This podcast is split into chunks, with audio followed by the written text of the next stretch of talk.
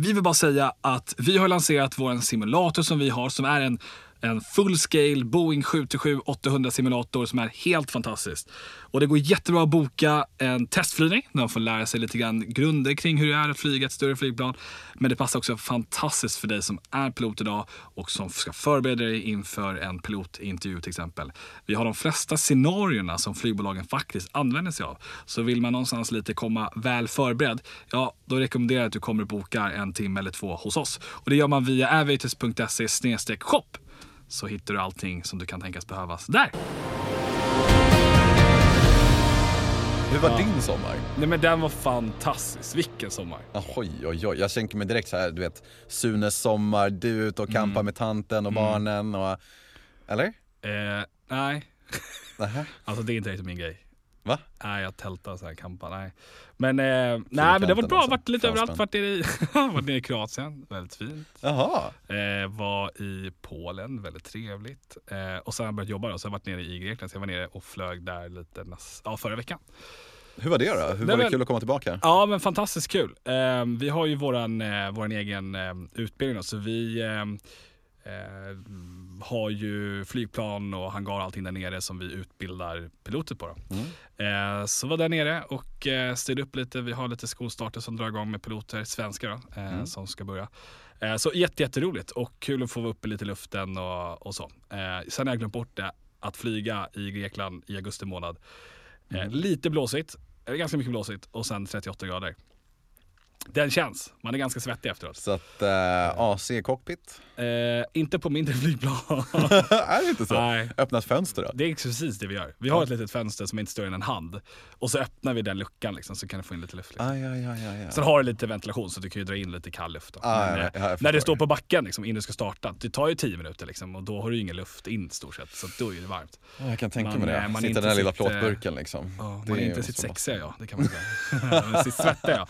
Det, det var bra. Får man bli sen istället när man blir kommersiell pilot och kan sitta där inne och styra sin egen AC. Liksom. Precis. Då, kom, då kommer jag ändå glida runt med den här fancy suiten också. Mm. Det, det är ju därför som jag är sugen på att bli pilot. Det, ja, det är lite det. för att glida runt. Ja, just det. Vi får ju in den ganska mycket. Vi brukar säga att är det det som är motiveringen till att bli pilot, då brukar det gå åt skogen. Fast det är ju, det är ju mig vi pratar om. Ja, ja, kan vi inte så göra ett undantag? Det är så typiskt också. Där kommer det italienska blodet fram. Det är oftast de som...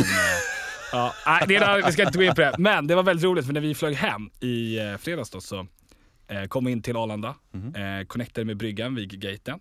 Eh, och sen säger han så här, nej men alla ska gå av längst bak. Och jag flög ju passet då som passagerare hem från Grekland. Hade ju då bokat, jag hade sätet längst fram stort sett för att snabbt kunna kliva av.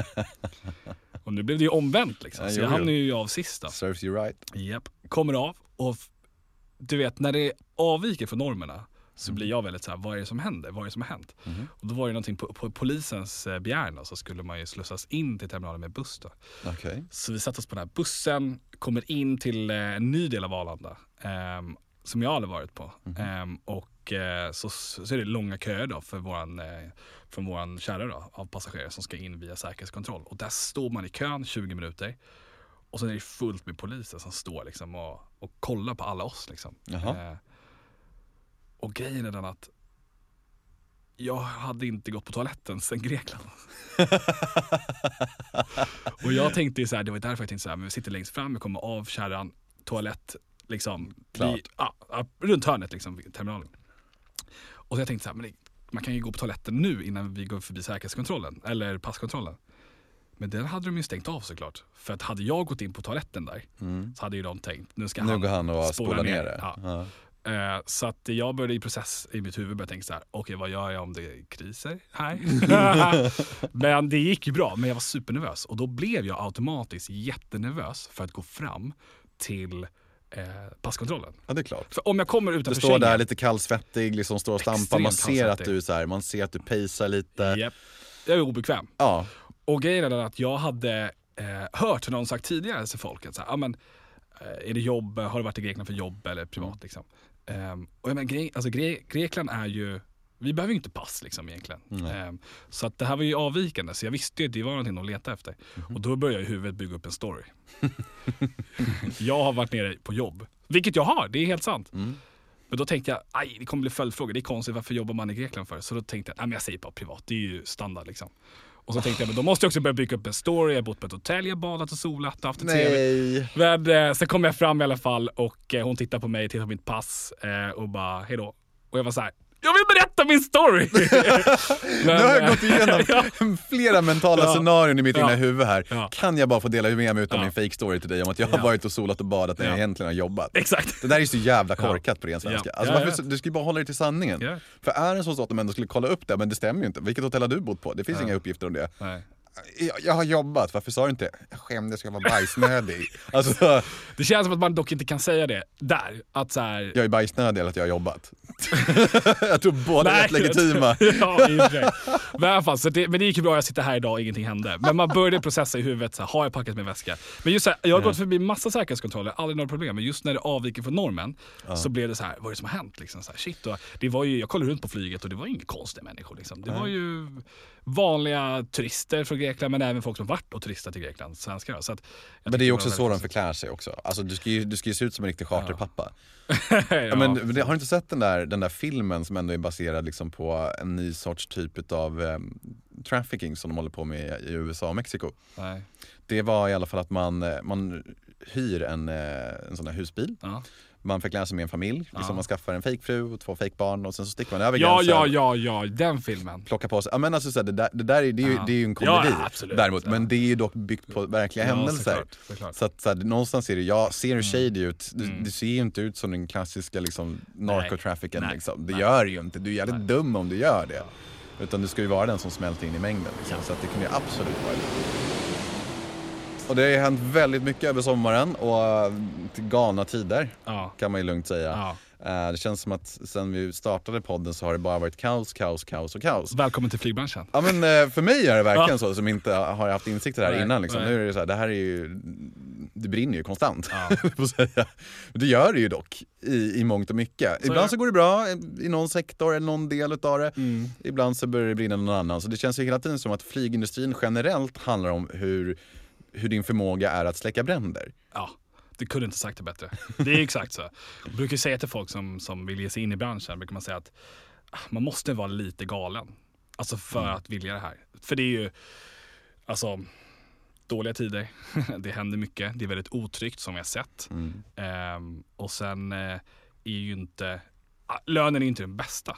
Alltså så här, det är ju helt okej. Men för att du kanske jobbar helger och jul och nyår. Och, Ja men missar alla de här viktiga delarna Precis, liksom, som precis. kanske ska tilldela med sin, tillbringa med sin familj ja. istället. Så det är ju en, eh, det är en jävligt konstig bransch alltså. Men tror eh, du inte det där har liksom så här, precis som i börsen någonstans, sen ändå nått, nu kommer ju börsen säkert gå ner ytterligare, men ska inte prata om det. Men jag tänker, Killgissar du nu? isn't the botten nådd som man säger? Eh, om botten är nådd? Ehm, eh, nej, jag tror inte det. tror Eller inte. du tänker på personallöner? Alltså Ja men, ja, men precis. Eh, jo, men där, ja, där skulle jag vilja påstå, för vi ligger alltid efter USA i allt, eller hur? Mm, mm. Eh, och USA ehm, har, där vi är idag i Europa i marknadslöner liksom, löner och villkor, där var ju USA eh, för kanske 10-15 år sedan. Och Så det- långt. Ja, tillbaka då. Och, jo. och, och det var ju, det slutade ju med att folk var ju så här, men det finns ingen anledning att gå in i den här branschen. Och då pratar vi främst om pilotbranschen då. Mm. Eh, det är dåliga villkor, jobbiga tider och det är svårt att få jobb för att de hade villkor som gjorde att du behövde viss erfarenhet och så här. Och vad står man idag? Jo, man ser att många piloter har stuckit till Asien, Mellanöstern från USA och då har Mm. man inte haft tillräckligt med personal i landet. Det är ju inte ett litet land. Så då har man ju gjort ganska mycket satsningar. Till exempel nu kan du få green card för att som europe komma och flyga i USA. Och så Ja, har det inte varit tidigare. Det är ju så att då har det blivit att de har ju väldigt mycket rörelse nu och då vill de ju attrahera folk. Då höjer de lönerna såklart för att Mm. attrahera folk för att komma in i flyget. Och jag menar lite så är det i Europa också att eh, absolut det har varit ganska speciella tider och eh, det har absolut inte varit piloternas marknad. Eh, och fortfarande än idag är det inte det. Men, men absolut så ser vi vissa mönster att det börjar röra sig. För se, så här är det, så fort du inte kan anställa. Mm. Och det är inte en person, utan det är ganska mycket personer och det är en ganska nischad bransch. Eh, då måste du göra någonting och då måste du vara mer attraktiv för eh, eh, piloterna. Men Eller kabinbesättningen. Men där kommer hela tiden balansgången med hur man flyttar liksom, den ekonomiska aspekten. Ja. För att om du ska kunna liksom, erbjuda högre löner då måste du dra ner på någonting annat brukar det oftast vara i alla fall om det är, vi pratar lågmarginaler. Ja, Vilket det ändå verkar vara, så vitt min bild av det hela är. så, Så är det. då är det ju på bekostnad av ja, service, kvalitet på, vad, vad, vad kan man dra ner på i sådana fall? Liksom, vad, det är en jättebra fråga, men problemet är den att vi ska ju egentligen inte dra ner på någonting mer. Mm. Det går inte. Däremot så måste vi vända på steken och säga varför inte höja biljettpriserna? precis. Alltså det är där skon klämmer. Vi har för låga biljettpriser och det kommer ju till kritan att någonstans blir det, liksom, det påverkar ju och det påverkar ju alla, alltså folk som jobbar också. Så att, eh, och jag är helt övertygad om att, att branschen skulle inte stå och säga att nej men vi, vi vill ha kvar de här låga priserna. Alltså alla önskar lite bättre priser. Såklart. Då skulle ju också ledningen säga men vi är villiga att betala mer för vår personal och liknande. Men problemet är ju vi passagerare som inte tänker på det. Vi bryr oss inte. För oss är det viktigare att kunna flyga ner för 200 spänn. Och jag är exakt likadan. Jag är jättedålig. Jag är en riktig liksom, eh, hycklare här. Eller vad heter det? Jo, Ja, och det är ju inte konstigt för man, alla vill ju bara ha en bra deal. så är det. Vi älskar det. Så det, allting handlar ju bara om high perceived value. Om jag kan Ja. åka till New York för, säg, nu slänger jag ut någon summa här, men säg 3000 spänn Ja, ja. tur och retur. Mm. Uh, och den inte är på rabatt. Ja. Då känns det inte som att jag har gjort en bra affär som konsument. precis. Står istället att den kostar 6500 ordinarie pris, Ja. men den är nedsänkt med så pass mycket. Liksom. Så då, då gör jag en bra affär i mitt huvud. Exakt. Och det där ser man ju om man kollar på e-handelsindustrin som jag är väldigt Mm. insatt i i Mm. alla fall. Där, där gör man ju istället på det sättet att man sätter gärna ett betydligt Ja. mycket högre ordinarie pris. Ja. Och sen så rabatterar man brallorna av sig Ja. för att det ska kunna bli en, en rimlighet någonstans för att Ja. alla prisdumpar. Ja. Och köper, köper du inte på rabatten men då väntar du tills det blir rabatt Mm. istället. För det, Mm. det, det är så konsumenterna fungerar Mm. oavsett vilken industri det är. Så att det här är ju inte någonting unikt för flygbranschen utan det här är ju allt. Och det är därför den stora butiksdöden kommer också nu. Eller Så. har varit under Mm. väldigt lång tid. Mm. Just för att man känner att man kan inte göra lika bra affärer på plats som man kan göra på nätet. Det går snabbt för mig att jag går in, jag känner och klämmer på de här skorna men jag kan googla Mm. på den här modellen och sen så hittar jag den för, ja, jag får fri frakt någon annanstans där det Ja. kanske är 50 spänn billigare. Ja, men då, då gör jag det på tunnelbanan på vägen hem. Ja. Intressant alltså, för det där, det där måste ju påverka butikshandeln. Alltså att de måste, Ja, definitivt. eh, det blir ju mer som ett så showroom. Alltså gå dit, titta, klämma och känna som du säger. Och sen, ja men den där gillar jag. Och sen så Mm. söker du på nätet. Ja, men för, så, så är det. För man vill ju alltid ha en deal. Ja, jag älskar deal. Precis. Eh, tycker det är helt fantastiskt. Ja, men då känner du någonstans att du har vunnit i förhandlingen någonstans. Mm. Jag menar alla vill ju, skulle du och jag sitta och förhandla om någonting här så Ja. skulle ju båda vi behöva känna att den andra blöder lite för att vi ska kunna Ja. gå härifrån rakryggade och känna att man gjorde en bra affär. Ja. Skulle jag lägga ett pris till dig nu Ja. direkt, så, ja. Ja. men jag vill ha 3000 spänn av dig Ja. och du säger bara ja. Då kommer Exakt. du bara känna att ja, men jag har gjort en jättedålig deal. Ja. Säg istället, ja, men vi börjar på tre och sen så Mm. förhandlar vi ner till Mm.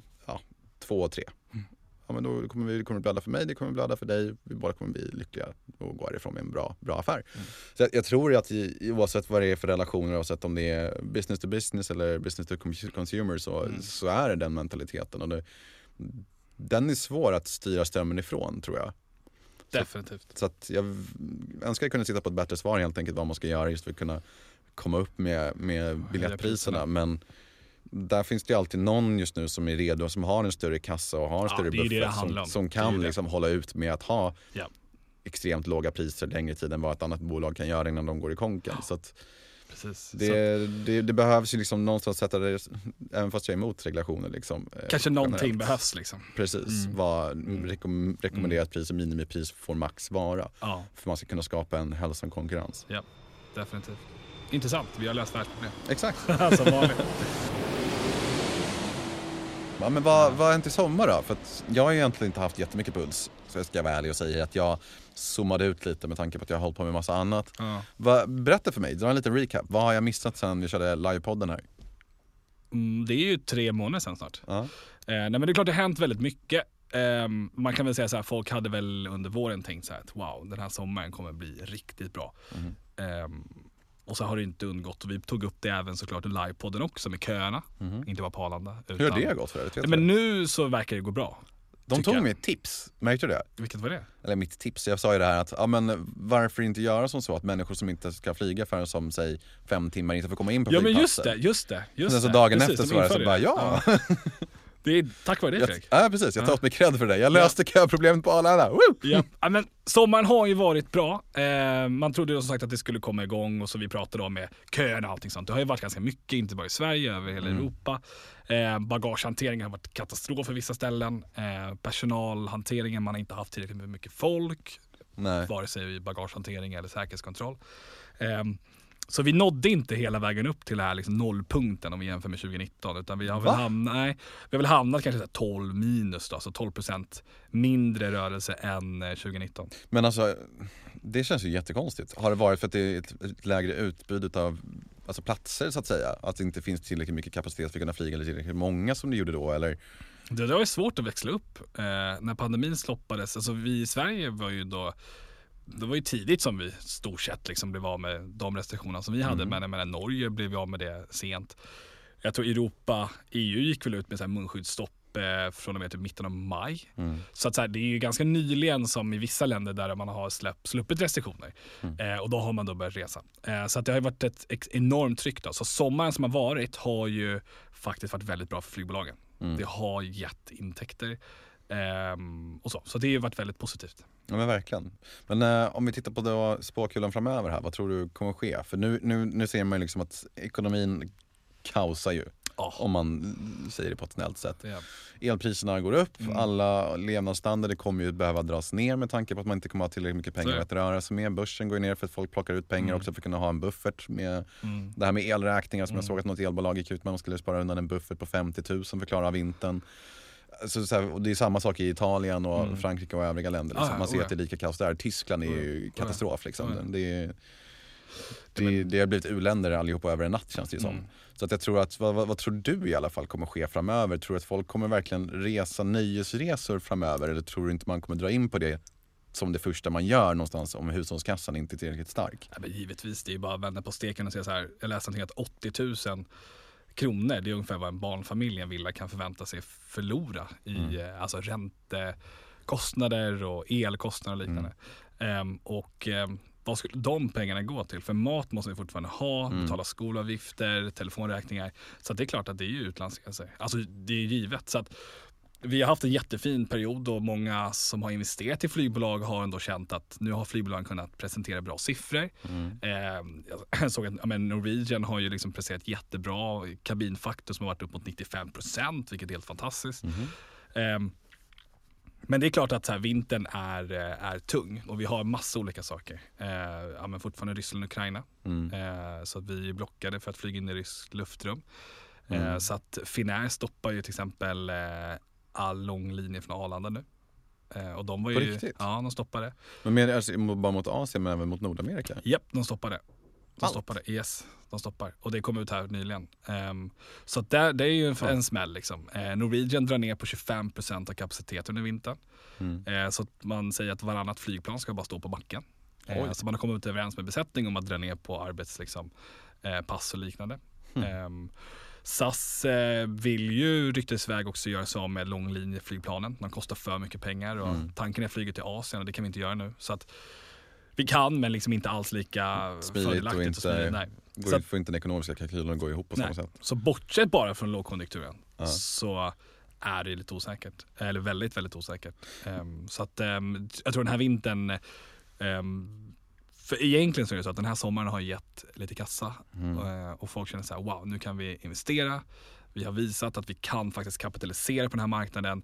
Så till nästa sommar så ska vi faktiskt ha ännu mer för att folk vill ut och resa, vilket folk vill. Ja. Men eh, då glömmer man ju bort att samtidigt så kommer folk ha färre pengar liksom, i, i kassan, hushållskassan. Så det kommer ju förmodligen leda till att nästa sommar så står vi kanske och har en överkapacitet på marknaden. Mm. Så att om vi hade en väldigt liten kapacitet och väldigt hög, att vi fyllde flygplanen väldigt väl under sommaren, så kan nästa sommar se ut att vi fyller dem väldigt dåligt på grund av att vi har laddat upp inför en fin säsong. Men folk har inte under vintern bokat sina resor. För man Man bokar ju inte, nej, det. man bokar ju inte fritidsresorna alltså resorna en vecka innan utan man bokar kanske ett halvår innan. Mm. Eh, Så i vinter, januari, februari så ska ju du boka sommarresan. Mm. Det kommer inte hända. Så att då står vi nästa sommar med som sagt en för mycket kapacitet och det i slutändan kommer ju visa att eh, några bolag måste förvär försvinna. Liksom. Det är hemskt. Samtidigt så här, flygresan, alltså flyget är ju stort på grund av att det är till för alla samhällsklasser. Mm. Och fritidsresenärerna är ju från alla samhällsklasser också. Mm. Ehm, och en barnfamilj då som ska resa utomlands en vecka charter liksom. Ehm, det är ju så här 25 000. Mm. De pengarna, det kan ju inte vara så att de, det är klart att vissa har, men det kommer ju påverka de, alltså, de flesta. Absolut. Och, och det kommer i slutändan resultera i, för det här är ju besöksbranschen, alltså både hotell och restaurang och allting sånt och flyget under samma bransch eller branschindustri. Och, och, och det, den kommer slå. Så att det som är väldigt synd och det som är väldigt jobbigt och jag pratar väldigt mycket med folk ute i branschen där vi liksom nästan är så här, satan, vi fick några fina månader eh, och nu går vi in i nästa. För att det är, det är den här branschen som påverkas mest när det kommer till om det finns pengar eller inte. Ehm, och ehm, Med tanke på din lyxkonsumtion egentligen. Så det är det ju. Vad heter när eh, Berghovs behovstrappa eller vad heter? Mm. Alltså sekundära och primära behov. Liksom. Och, och flygresandet är ju för mig ett primärt behov men för många andra så är det ju ett sekundärt behov. Nu har vi Så pengar, nu unnar vi oss. Liksom. Precis. Eh, och det är ju så, så här, affärsresenärerna är ju inte helt tillbaka. Det är fortfarande Teamsmöten och liknande. Så att den har ju minskat efter pandemin. Och då är det fritidsresenärer som är viktiga. Och försvinner de, äh, då blir det tungt. Ja men precis och det är ju bara att titta i samband med det också att det blir dyrare också för företagen att kunna bedriva sin verksamhet också med tanke på alla olika utgifter som bara går uppåt och Ja. skatterna som höjs vilket Ja. gör att det bara blir ett större tryck på dem. Ja. Som gör istället att men självklart kan vi skippa Mm. att eh, resekontot är så pass dyrt och köra, ersätta det med. Google och Teams-möten så Ja. självklart så, så nästa steg det. är att man kör eh, charterveckan på Teams. Att du kan koppla upp det med olika hotellanläggningar. Alla får en liksom- sollampa istället och Exakt. sitta hemma i någon källare liksom. Här Det kan du låtsas att du är på stranden så kan Ja. någon komma in och blåsa på dig. Vindkraftverk sponsrat av Miljöpartiet kommer fram. Sätt dig framför den här så kan du känna brisen i alla fall. Nej. Fantastiskt, det är en jättebra idé faktiskt. Ja, Nej, nej. så att eh, vi får se vad som, eh, vad som händer. Det känns som att vi alltid avslutar med att säga att vi får se vad som händer. Men just nu är det verkligen tungt. Men jag vill också avsluta med att säga att tar man bort pandemin eh, så har vi ju haft kriser tidigare. Ja, ja. Eh, pandemin var ju speciell, alltså väldigt, väldigt speciell. Men alltså finanskrisen 08, Mm. eh, vi har haft eh, oljekrisen 90-tal, ekonomin var inte bra 90-tal heller. Eh, 9-11, sars-utbrott tidigare.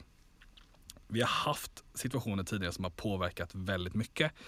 Ehm, men då tar det ändå bara liksom ett år eller ett och ett halvt och sen händer det grejer igen. Nu har det ju här varit att vi har haft en pandemi men kassan har ändå och ekonomin har gått ganska okej. För det har varit I vissa delar i alla fall. Ja, I alla fall om man tittar i Sverige. Så. Ja, ja men precis. Eh, men det gör ju någonstans att så här, vi tänker i huvudet att nej, vi går in i nästa kris där Mm. allting kommer bara stängas ner, ingenting kommer finnas kvar och det stämmer inte heller. Nej. Så är man så här, fan liksom flyget kanske inte är så bra just nu. Nej men, welcome to the world. Flyget är aldrig bra. det är aldrig ett bra läge, så är det. Men någonstans är det så här, vi får inte blanda ihop eh, pandemin med en annan kris. För det behöver inte alls, och det kommer förmodligen inte se likadant ut. Nej. Det kommer blöda och det kommer bli jobbigt. Men vi kommer komma ur det som vi har gjort alla andra gånger. Och som vi har gjort nu också efter pandemin. Alltså, vi är ute och reser. Det har inte varit några konstigheter. Men det är precis som börsen, det Ja. studsar alltid tillbaka. Ja. Förr eller senare Ja, kommer det göra det för att fortfarande behoven kommer ju inte ta slut. Nej, så att eh, är man på väg in i branschen och känner så här, stopp, vad händer här? Vad säger Alex och Fredrik?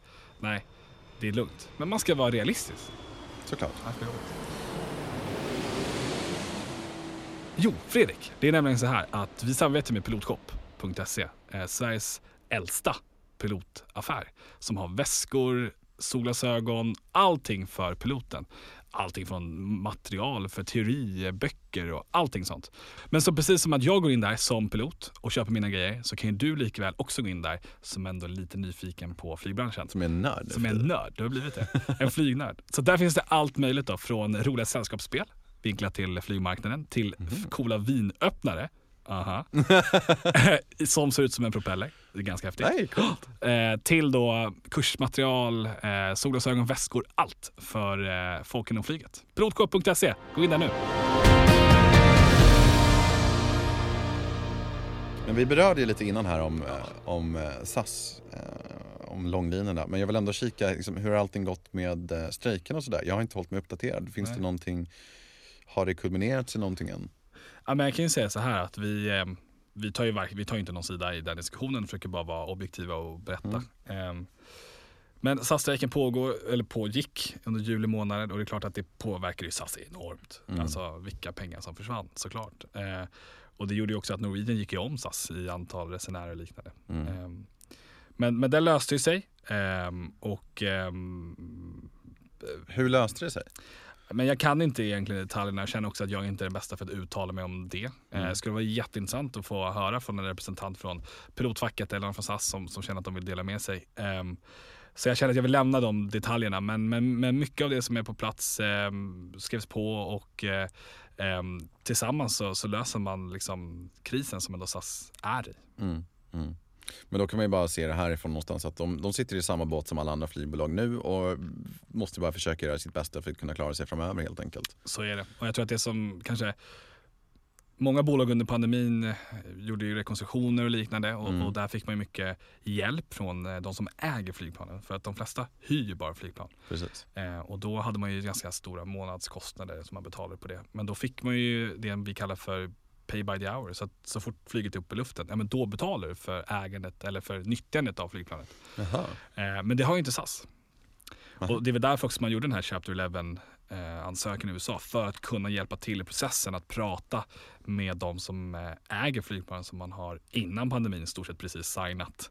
Eh, långlinjerna till exempel. Mm. Eh, 350. Så att eh, SAS har ju haft ett lite sämre utgångsläge nu efter pandemin än kanske vissa andra bolag som har ändå fått lite hjälp på traven på grund av pandemin. Mm. Eh, så att, eh, men det är en del av SAS plan, SAS Forward, att liksom förbättra och hitta vad är lönsamt och, och inte. Då. Så att eh, de måste göra som alla andra och, och hitta vägar framåt.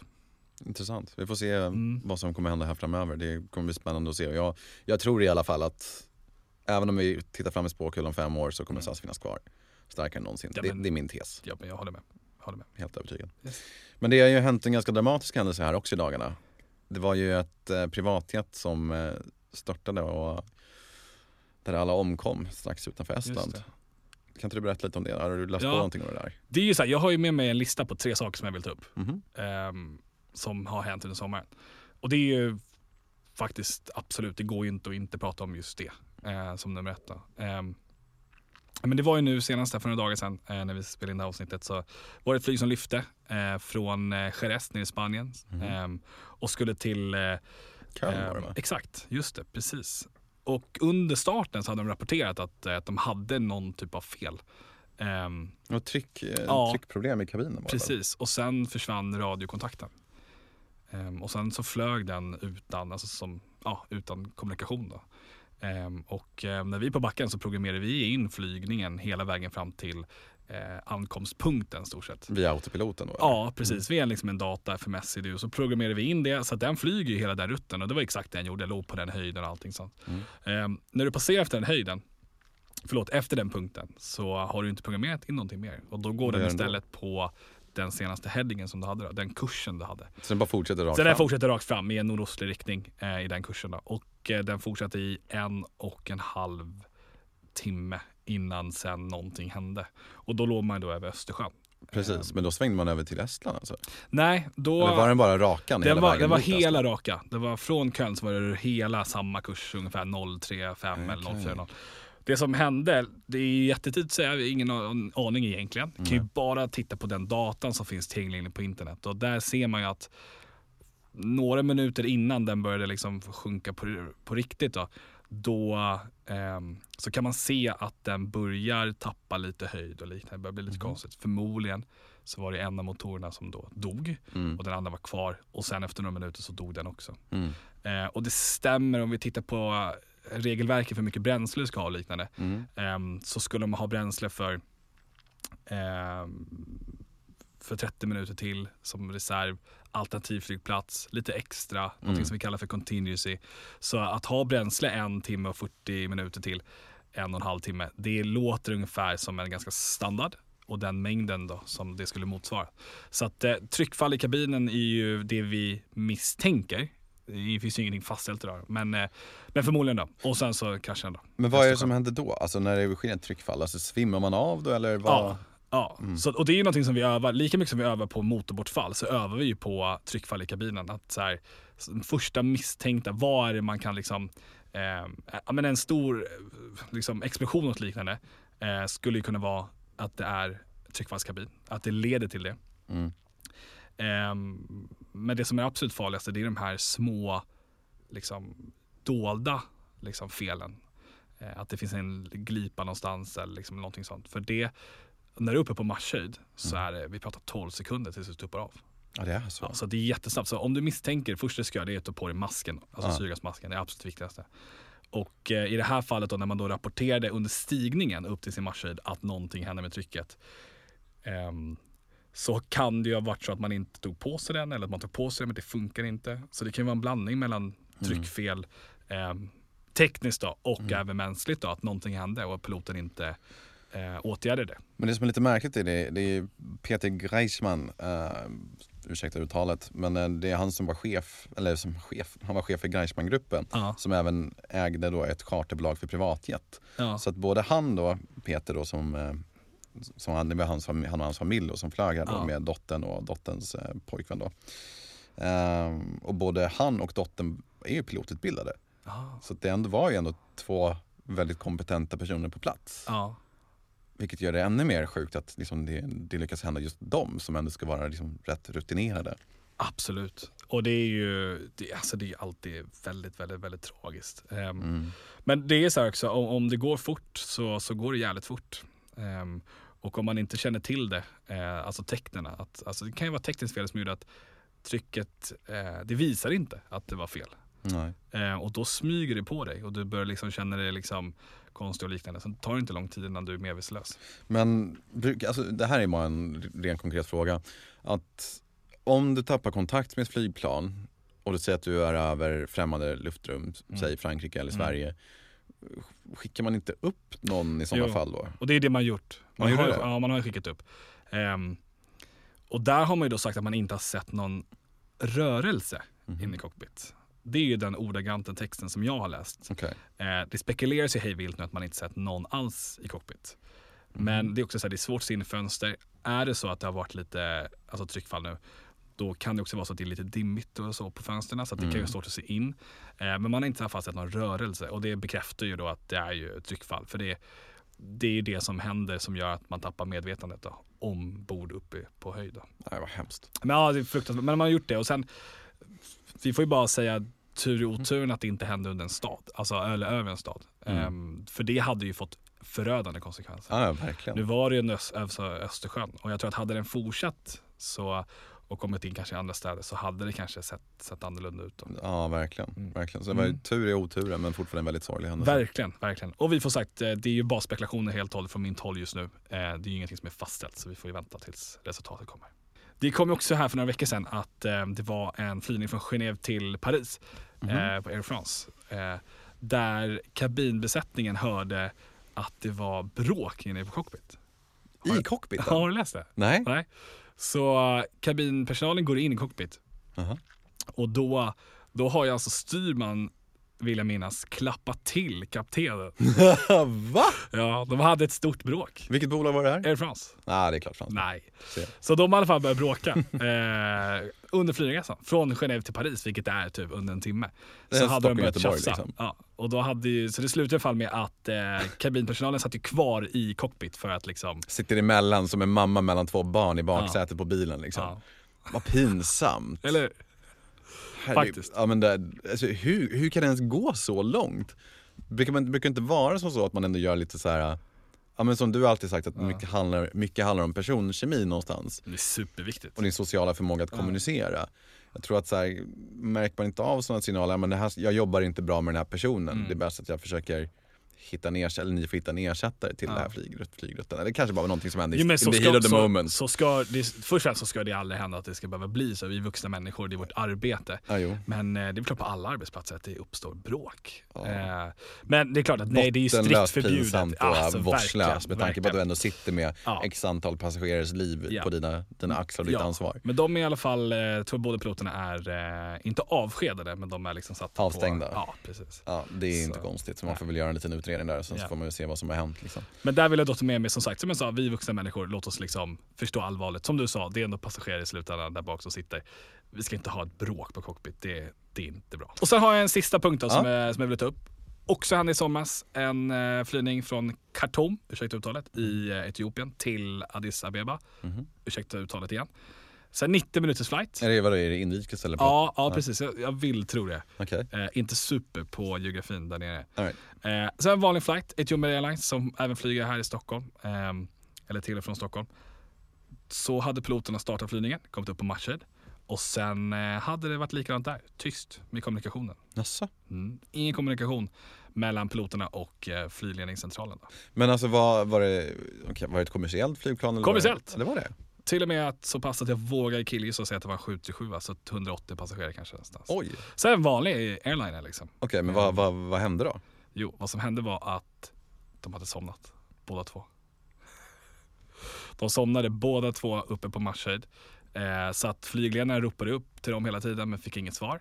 Eh, Skämtar du? nej, och de passerade eh, punkten som heter Top of Climb, då, där man ska, eh, eller Top of Descent, där man ska påbörja sjunket och ner till landning.